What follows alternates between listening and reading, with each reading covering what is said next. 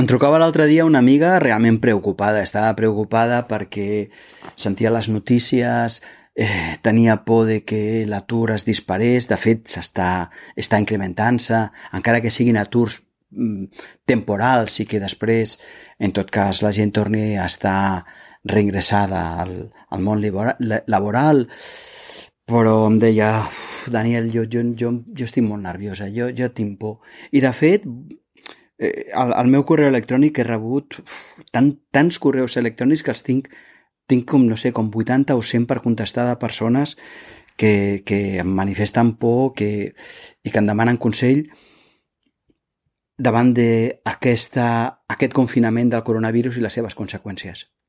Bé, per respondre a tot això i donar-vos una perspectiva absolutament diferent que us pugui que us ajudi a alliberar-vos d'aquest confinament per coronavirus, per això faig aquest podcast. Benvinguts. Benvingut, benvinguda al Quadern del Xerpa, un podcast en català sobre autoconeixement, creixement personal i espiritualitat pràctica que busca certa útil. El meu nom és Daniel, Daniel Gavarró, i desitjo nutrir-te interiorment – abordant aquests temes amb senzillesa, però sense renunciar a la seva profunditat. Gràcies per ser aquí.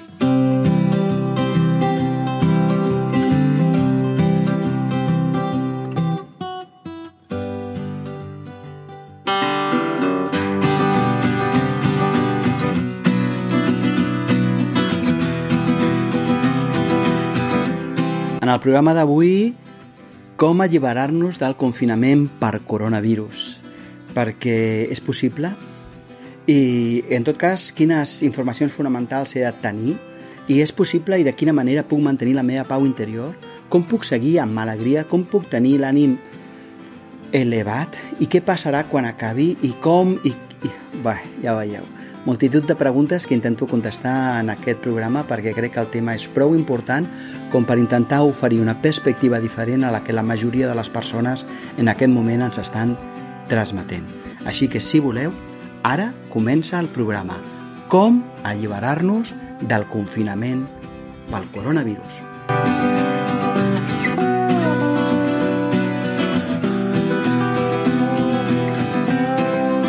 Avui que nosaltres parlem de com alliberar-nos almenys interiorment del confinament per coronavirus, m'agradarà començar d'una forma molt senzilla i molt concreta, encara que et prometo que, que després de donar aquests quatre consells inicials explicaré des de la meva perspectiva quin és el significat, quin és el sentit de la crisi que estem vivint i com podríem viure-la perquè jo crec que et donaré una informació que no és gens habitual, no és la que està circulant.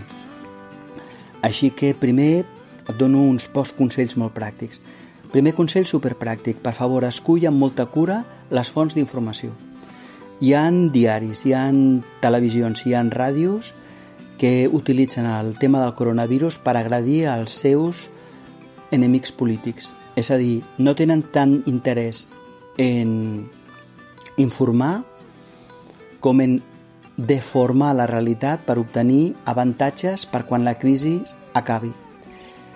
Si deformen la realitat del coronavirus és que deformen també moltes altres temes.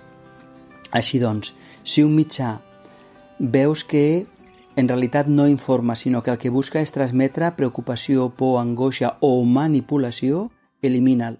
Elimina'l de la teva vida per sempre. És a dir, has d'escollir amb molta cura les teves fonts d'informació fiable. Aquest és la primera, el primer consell que et volia donar superpràctic. El segon, home, que t'informis un cop al dia i després tanquis les notícies. Si creus que un cop al dia és massa poc, d'acord, doncs t'informes dos. Però vigila en mantenir la ràdio, la tele o el diari sempre encès i anar consultant contínuament. Això et provocarà un nivell d'estrès que no te'l mereixes. Nosaltres ens hem de cuidar. I si nosaltres estem tota l'estona sotmesos a la informació, en malaltirem psicològicament. Per tant, informa't i després tanca't les notícies. Des de la meva perspectiva, informar-se un cop al dia és suficient. Però si tu vols, si tu vols pots, et pots informar dos. Per exemple, una a les 9 del matí i l'altra a les 4 de la tarda. Ara bé, no ah, no t'informis, no miris les notícies just abans d'anar a dormir, perquè el que mirem abans d'anar a dormir és el que té més probabilitats de que, per, de que continuï el nostre inconscient durant la nit. I si mirem coses que són mm, desagradables, que són difícils, el nostre descans no serà prou profund. Al contrari, jo et recomano que abans d'anar a dormir llegeixis doncs, alguna cosa agradable o miris, mm, miris alguna, alguna pel·lícula que sigui bonica, no miris coses d'assassinats, de pors, d'angoixa, sinó coses que et situïn en un estat d'ànim agradable perquè quan et fiquis al llit, aquell estat d'ànim sigui el que perduri, encara que sigui inconscientment al llarg de tota la nit i el teu descans sigui profund. I aquí m'agradaria fer-te un altre consell molt concret, i és que donguis recolzament a les persones que més ho necessiten. Per exemple, si vius en un edifici on hi ha persones grans, els preguntes si els necessiten que els facis la compra, si necessiten que, que, que facis alguna cosa de bricolatge, de reparació dintre de casa seva, amb molta cura, perquè amb molta cura, perquè no li transmetis el virus, tant quan li portis la compra, procura no abraçar-la, donar-li un petó, eh, d'acord? És a dir, això s'ha de vigilar molt, però estigues al costat, perquè imagina't una persona pues, que se li ha fos una bombeta i que és una persona gran que no la pot canviar i que és l'única bombeta, la millor que té el menjador, doncs, doncs diu, sí, pues mira, si me la canvies a mi em faràs un favor perquè és que jo no puc canviar-la. D'acord? Per tant, aquí és donar suport a les persones que més ho necessiten a nivell físic, però també donar suport a nivell emocional. Fes una, fes una llista de persones a les que vols anar trucant i anar mantenint el contacte perquè se, perquè se sentin cuidades. D'acord? Llavors els telefones i els hi preguntes pues, com estan, els hi preguntes, jo que sé, què han dinat, què han menjat, els hi, els hi dius, mira, et passaré aquest podcast, o els, els hi passes, jo que sé, coses boniques, no els hi passis coses que incrementin la por, la preocupació ni l'angoixa, d'acord? I és una forma de cuidar els altres. I per tancar aquest primera, aquesta primera apartat d'informacions tan pràctiques, m'agradaria tancar amb una idea que és la següent Igual que cuidem els altres, ens hem de cuidar nosaltres. Igual que volem protegir els altres, ens hem de protegir a nosaltres. Així doncs, mmm, jo crec que nosaltres hem de comprendre quin és el profund significat d'aquesta crisi de confinament per coronavirus que estem vivint i com podem fer-la servir per practicar i que la nostra vida s'ompli de pau interior, és a dir, com podem fer perquè totes aquestes dificultats que ara estem vivint ens serveixin per créixer interiorment? Molt bé, doncs si et sembla, en un momentet, a mi m'agradaria explicar-te quines són, explicar-te des de la meva perspectiva com podem interpretar el que ens està passant, que, com podem interpretar aquesta crisi del coronavirus i jo crec que serà una interpretació que et serà molt, molt, molt útil.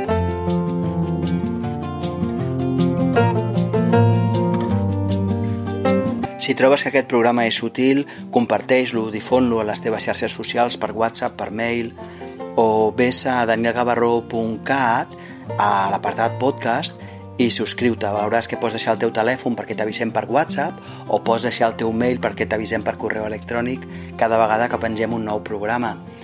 També veuràs que aquest programa es pot sentir per moltes plataformes com per exemple iVox o Spotify i a cada una d'aquestes plataformes tu pots subscriure de forma que t'avisen cada vegada que arriba un programa nou. Si et subscrius, si els difons, mai no et perdràs cap programa. Gràcies per ser aquí.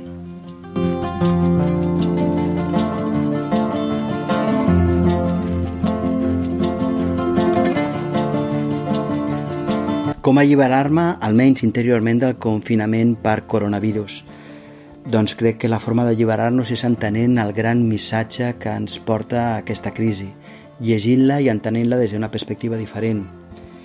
I a mi m'agradaria m'agradaria fer una reflexió que jo crec que és útil i que jo crec que et pot servir, que és la següent.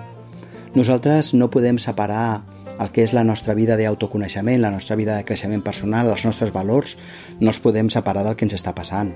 És a dir, jo expresso els meus valors en la vida que em passa en la meva quotidianitat.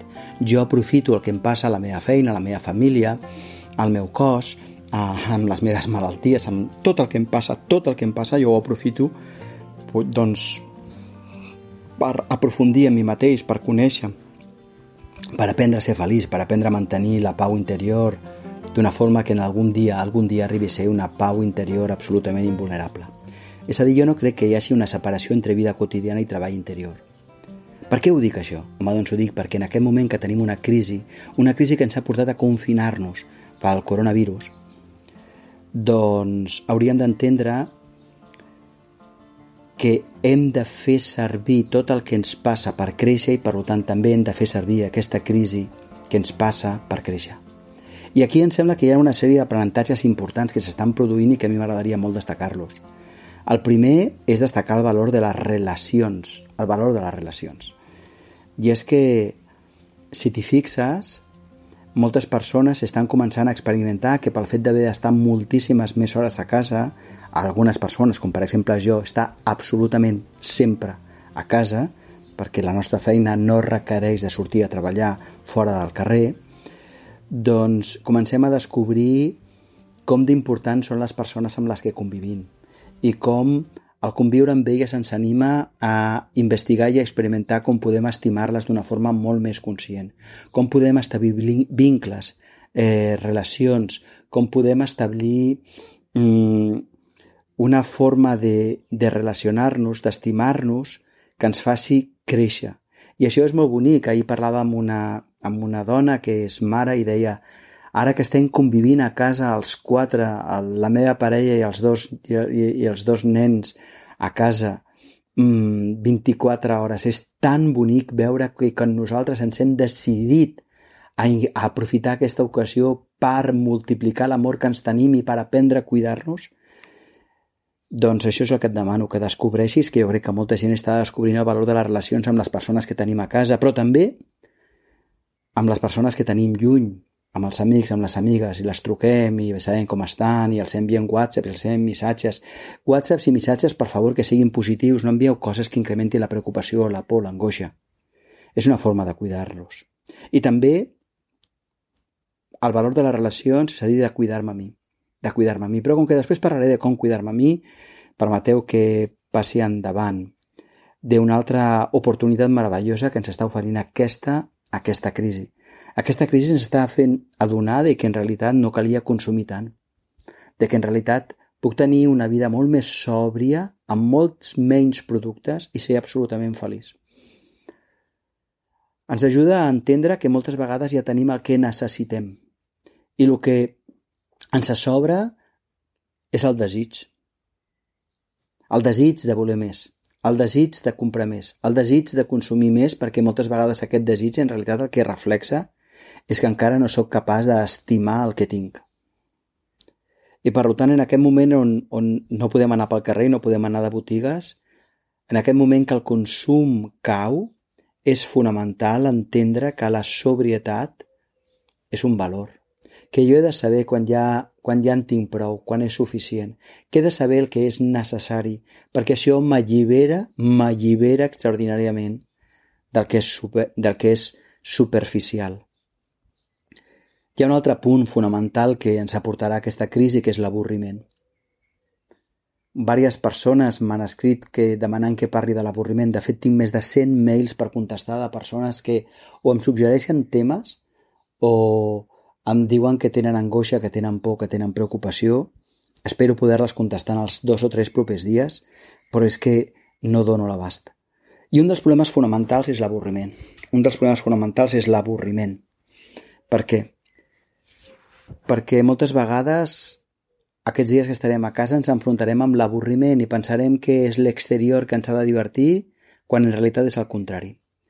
Soc jo que poso interès i llavors l'exterior és interessant. I descobrir això és una, és, és una porta, és un descobriment extraordinari. Descobrir que no és l'exterior el que m'ha de divertir, sóc jo que he de posar interès. Quan jo, no sé si recordeu alguna vegada que heu fet neteja de casa vostra a disgust i se us ha fet etern i pesat i horrible. I en canvi altres vegades heu fet la neteja de casa posant ganes, I de cop i volta la, la, la neteja ha estat, ha estat diferent, ha estat àgil, ha estat ràpida, ha estat energètica, ha estat estupenda. Molt bé. És exactament el mateix. Quan jo poso ganes, la meva vida s'energetitza. La meva vida agafa i té molt més sentit. Quan jo estic avorrit, estic descobrint que he deixat, he cregut que és l'exterior el que m'ha de distreure. I jo he de començar a cultivar l'interès, l'interès per la lectura, l'interès per la gent, l'interès per escriure, l'interès per, per fer educació física, l'interès per cuinar, l'interès per, per cuidar els altres, l'interès per posar la meva casa bonica, que sigui agradable i confortable, però he de ser jo. No és la casa que m'ho desperta, no és l'esport que m'ho desperta, no és el menjar que me'l desperta, no són els altres que me'l desperten. Soc jo, que desperto les ganes i, per tant, foragito l'avorriment. Mm, espero que se m'hagi entès el que vull dir. El que vull dir és que quan jo poso ganes, quan jo poso ganes, aquestes ganes es multipliquen. Perquè allà on jo poso l'atenció, allò es multiplica. Per això fa un moment deia que per favor no escoltéssiu les notícies més que un cop o, o com a màxim dos al dia. Perquè si poseu la vostra atenció en les dificultats, les dificultats es multiplicaran. Però si poseu l'atenció en les solucions, en el benestar, en la comprensió, les solucions, el benestar i la comprensió es multiplicaran. Després també hi ha un altre aprenentatge fantàstic, un altre, un altre aprenentatge que em sembla, em sembla espectacular, que és un ensenyament fantàstic que ens produeix o que ens ofereix aquesta, aquesta crisi, no? Aquesta crisi que ens porta a estar confinats pel coronavirus.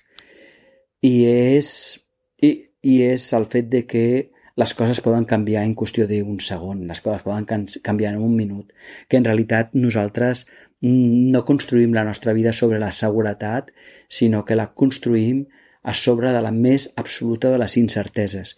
I saber que nosaltres no tenim res, que només ens tenim a nosaltres, que a nosaltres, a la nostra capacitat de pensar, a la nostra capacitat de decidir quina resposta donarem a l'exterior, però que nosaltres no podem decidir el que succeirà a l'exterior, aquesta cura d'humilitat, això és quelcom extraordinari perquè el dia que nosaltres puguem mirar la vida, sabent que jo no decideixo el que passa en ella, o sabent que, per exemple, res del que tinc ho tindré sempre, perquè moltes de les coses que tinc o les perdré o em valliran o s'espatllaran o, o la, me la robaran. I per tant jo no tinc res. I l'únic que en realitat tinc és la forma com jo em relaciono amb la realitat, només em tinc a mi i que res més és segur. El dia que siguem capaços de tenir en claretat aquesta actitud, això serà extraordinari. Però aquest podcast es titulava i parlava sobre com alliberar-nos del confinament per, per coronavirus. I fins ara no he parlat de com alliberar-me. No, no, no creieu que m'he oblidat. Ni tampoc creieu que he fet un títol amb trampa. Dic, posaré això perquè així tothom l'escoltarà, però en realitat parlaré d'una altra cosa. No, no i no. Ara mateix vull parlar de com alliberar-te del confinament pel coronavirus. Però això implicava que tota aquesta part que acabo d'explicar ara l'havies d'entendre. És a dir, tu havies d'entendre que la, les grans oportunitats, encara que siguin a contracor, això m'importa un raba, eh? encara que siguin a contracor, les grans oportunitats que en aquest moment s'estan obrint.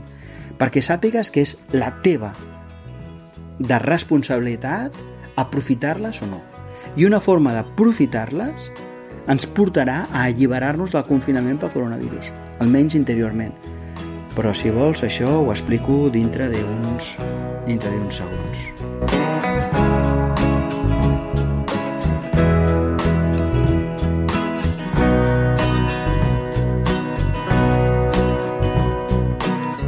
Si vols contactar amb mi, fes-ho a través de la meva pàgina web, danielgavarró.cat, a la secció de contacte.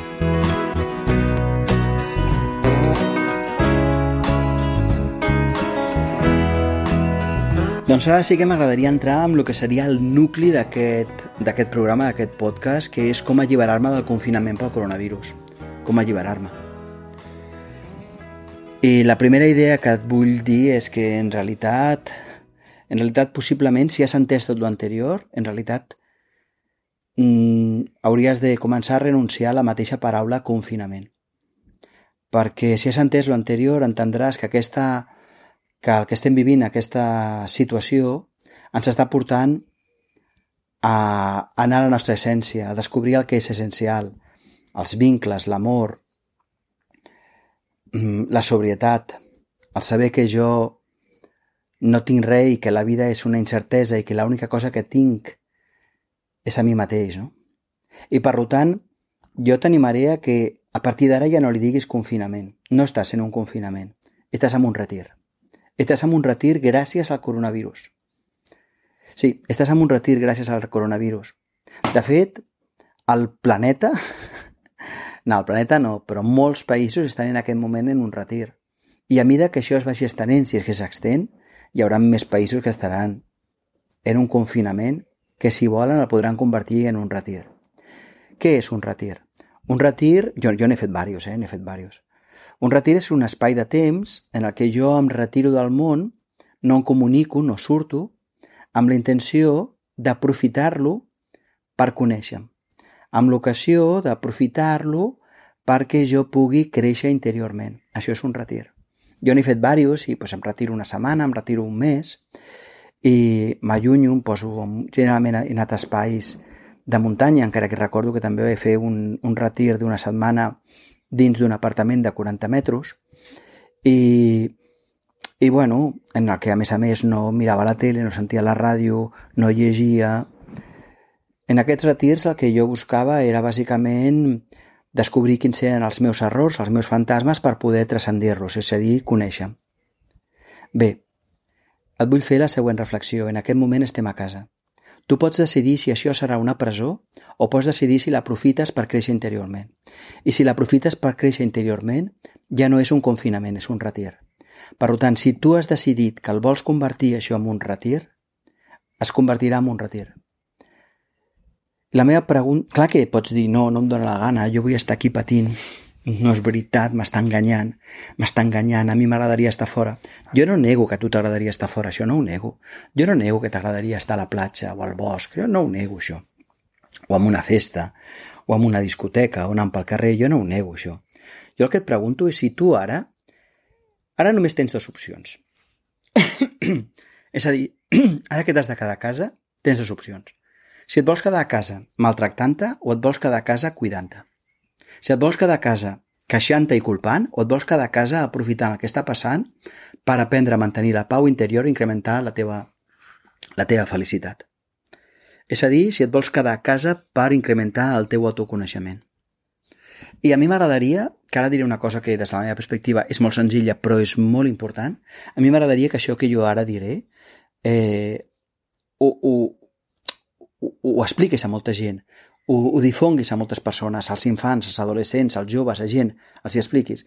Perquè jo crec que aquesta informació que jo ara et donaré, que ja veuràs que és super bàsica, l'hauria de conèixer tothom i hi ha molta gent que no la coneix i això genera molt de patiment. I si nosaltres hem de convertir casa nostra, aquest espai, mm, en un retir, hem de saber això. I el que hem de saber és que, segons com jo pensi, així sentiré. Ho torno a dir perquè em sembla que és una informació senzilla però clau. Tal com jo pensi, així sentiré. Anem allà. Per exemple, si jo miro una persona amb ràbia i amb odi, dintre meu m'evitarà la ràbia i l'odi. La pregunta és per què estic sentint ràbia i odi? Home, perquè estic pensant que aquella persona no mereix viure, perquè estic pensant que aquella persona és dolenta, perquè estic pensant que aquella persona m'ha fet mal, perquè estic pensant que aquella persona hauria de ser eliminada. Tal com jo pensi, així sentiré. Però si jo a una persona la miro amb tendresa, la miro amb comprensió, la miro amb acceptació, dintre meu apareixerà comprensió, amor, acceptació, pau, Repeteixo la idea perquè és super senzilla però super potent. Tal com jo pensi, així sentiré. Per la qual cosa no són, les, no són els altres els que em fan feliç. No són els altres els que em fan infeliç. Soc jo que em faig feliç o sóc jo que em faig infeliç? Soc jo. Soc jo en funció del que penso. I per la qual cosa, si jo vull convertir aquest confinament en un retir, és a dir, si jo em vull, si jo em vull alliberar d'aquest confinament, he de convertir-lo en un retir, l'he de convertir en un espai d'autoconeixement. He de dominar la meva ment, he de governar la meva ment, he de conduir la meva ment. No l'he de reprimir, no l'he de pressionar, l'he de governar. I què hauria de fer amb ella? Una cosa molt senzilla, simplement hauria de pensar al millor. Perquè quan jo penso al millor, quan jo penso al millor, el millor m'habita dins meu. El millor viu dins meu. Quan jo penso des de l'amor, l'amor està al meu interior. Quan jo penso des de la comprensió, la comprensió està al meu interior. Així doncs, jo he d'aprendre a governar la meva ment perquè serà la forma com governaré els meus sentiments. És a dir, jo potenciaré la meva felicitat el dia que governi la meva ment. I per fer-ho he d'aprendre a pensar el millor. A pensar el millor de què? A pensar el millor de tot i de tothom. De tota circumstància i tota situació i tota persona, jo inclòs. Aprendre a pensar, de, a pensar bé de mi, a no maltractar-me, a no culpar-me. I això significa aprendre a educar la meva ment. Si vols alliberar-te del confinament per coronavirus, has d'educar la teva ment. Quan la governis, seràs lliure. Quan la governis, passi el que passi a l'exterior, dins teu hi haurà, hi haurà una pau invulnerable. Jo et vull convidar que vagis a Telegavarró. Telegavarró és un espai que durant aquest període que dura, aquest període de retir pel coronavirus que estem vivint, jo mantindré obert. No sé si mantindré obert a posteriori perquè em dóna tanta feina que no sé si tindré capacitat per mantenir-lo oberta. Però mentre estiguem en el retir, en aquesta crisi per coronavirus, Telegavarró estarà oberta. Jo t'animo a, a, a visitar-la. És molt senzill. Ves a la pàgina web de danielgavarró.cat i un cop arribis allà, clica a Telegavarró. Si vols anar en castellà, ves a danielgavarró.cat .com i allà cliques a Telegavarró. I allà veuràs que cada dia penjo, cada dia no, molts dies penjo un vídeo, vaig començar, res, res, vaig començar ahir, vull dir que tampoc, però dona feina, eh, això, encara que sembli que no, dona molta feina. Doncs pues cada dia dono un, dono un vídeo un vídeo per, per nutrir a les persones, per alimentar les persones que volen convertir la seva vida, aquest espai, aquest espai que ara estem a casa, en un retir, en un retir d'autoconeixement.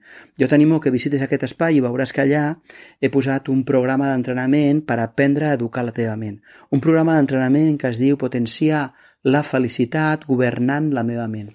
Veuràs que és un programa que dura 12 dies, que són 12 dies d'entrenament. Eh, a la millor l'allargaré una mica, això dependrà com ho vegi, però com a mínim tinc, tinc un esquema per fer 12 dies de classe 12 dies d'entrenament, que pots fer-ho tu amb la teva família, perquè aquest entrenament jo espero que el faci amb prou claritat com perquè serveixi també per adolescents i per infants que no siguin massa petits. I si són molt petits no importa, perquè tu agafaràs la idea i després els hi expliques amb les teves paraules. Però jo t'animo molt a que visitis aquest, aquest, aquest curs, aquest programa d'entrenament, que per una altra banda, encara que té un preu estàndard de 27 euros, no s'exclou a ningú per motius econòmics. Això que estic dient és superimportant. És a dir, és possible que tu en aquest moment diguis, saps què passa? Que en aquest moment a mi m'han acomiadat de la feina, en aquest moment mm, jo sóc autònom i he hagut de tancar la botiga i no sé quins ingressos tindré i per tant no puc ni pagar aquest preu tan simbòlic de 27 euros.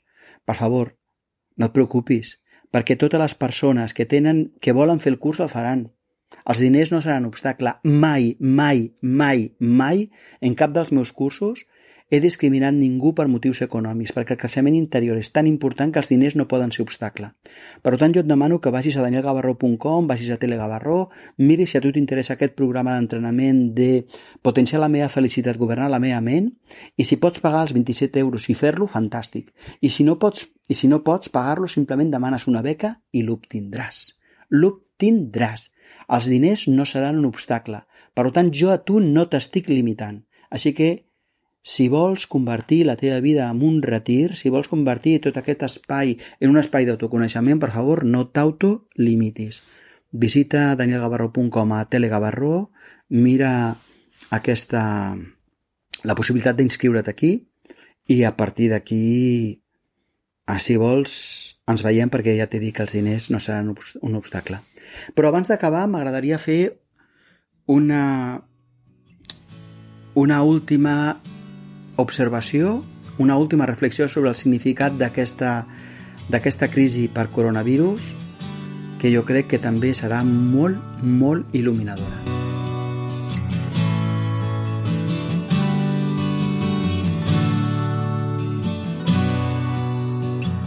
I si vols proposar algun tema per un futur episodi, fes-me arribar la teva proposta a través del correu electrònic que trobaràs a la meva pàgina web a danielgavarro.cat a la secció de contacte.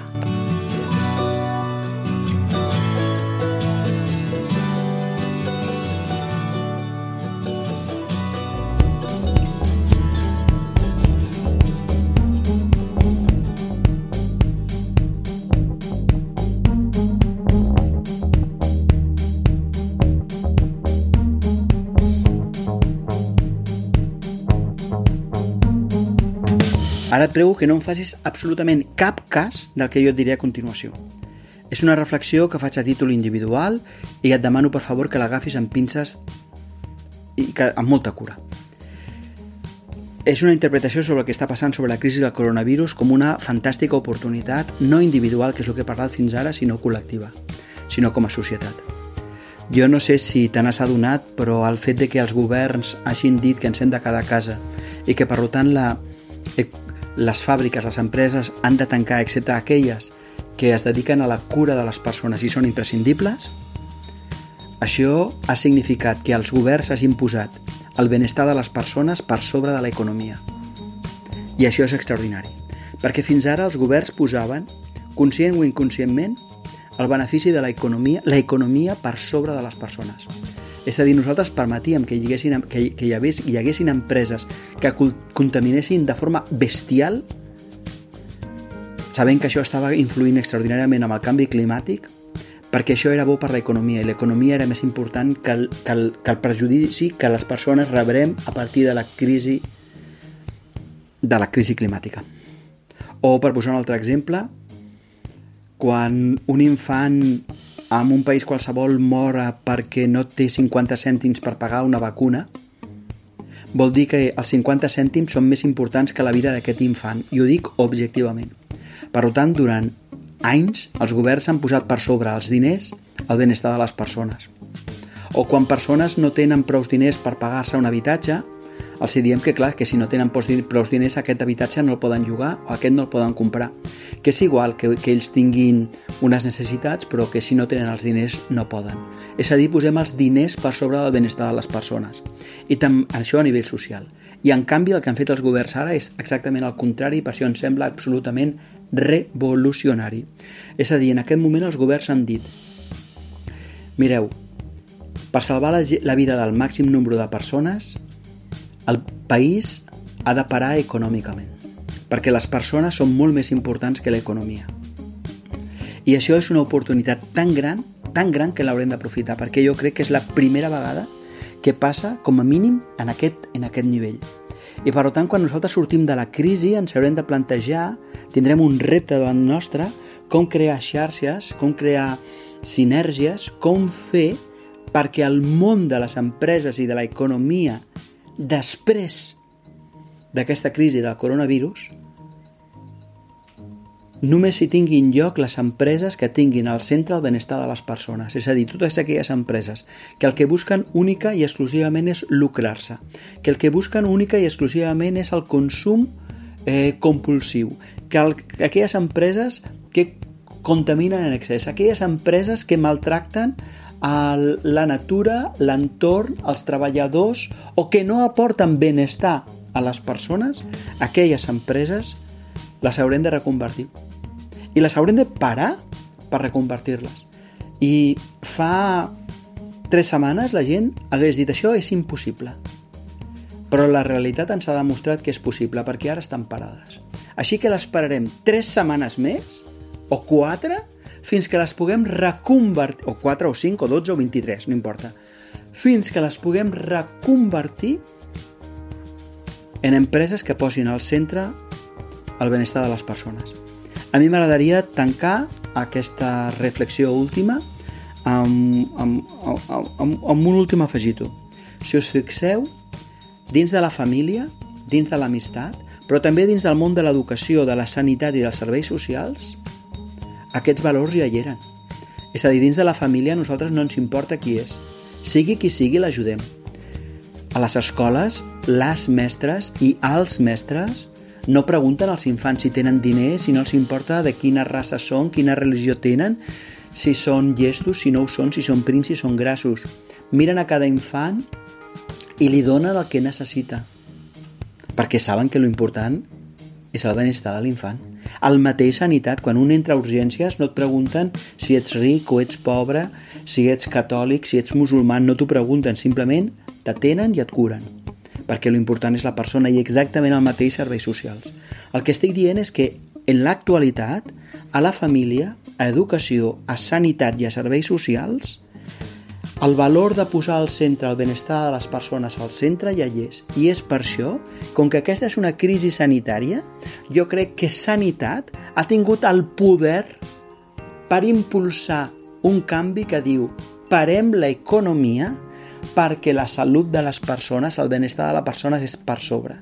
I això significa que ara que nosaltres ja tenim aquests, aquestes àrees on aquests valors ja són un fet, nosaltres l'única cosa que hem de fer és ampliar, portar aquests valors a la totalitat de la societat. Fixeu-vos que estic parlant de què passarà després de la crisi del coronavirus. Jo estic parlant de que tenim una oportunitat meravellosa. Així que us animo a fer el que calgui, el que sigui possible, perquè aquesta realitat esdevingui un fet. Si aquest àudio, si aquest programa us ha estat útil, no dubteu, per favor, a difondre'l per les xarxes socials, a enviar-lo als vostres amics, a les vostres amigues, perquè també l'escoltin des de casa estant. Us envio un petó i una abraçada molt forta. Ens veiem la setmana que ve aquí, al quadern del Xerpa, i també et convido que entris a Telegavarró, a danielgavarró.cat Telegavarró, al menú, o si el vols veure en castellà, danielgavarró.com en el menú Telegavarró.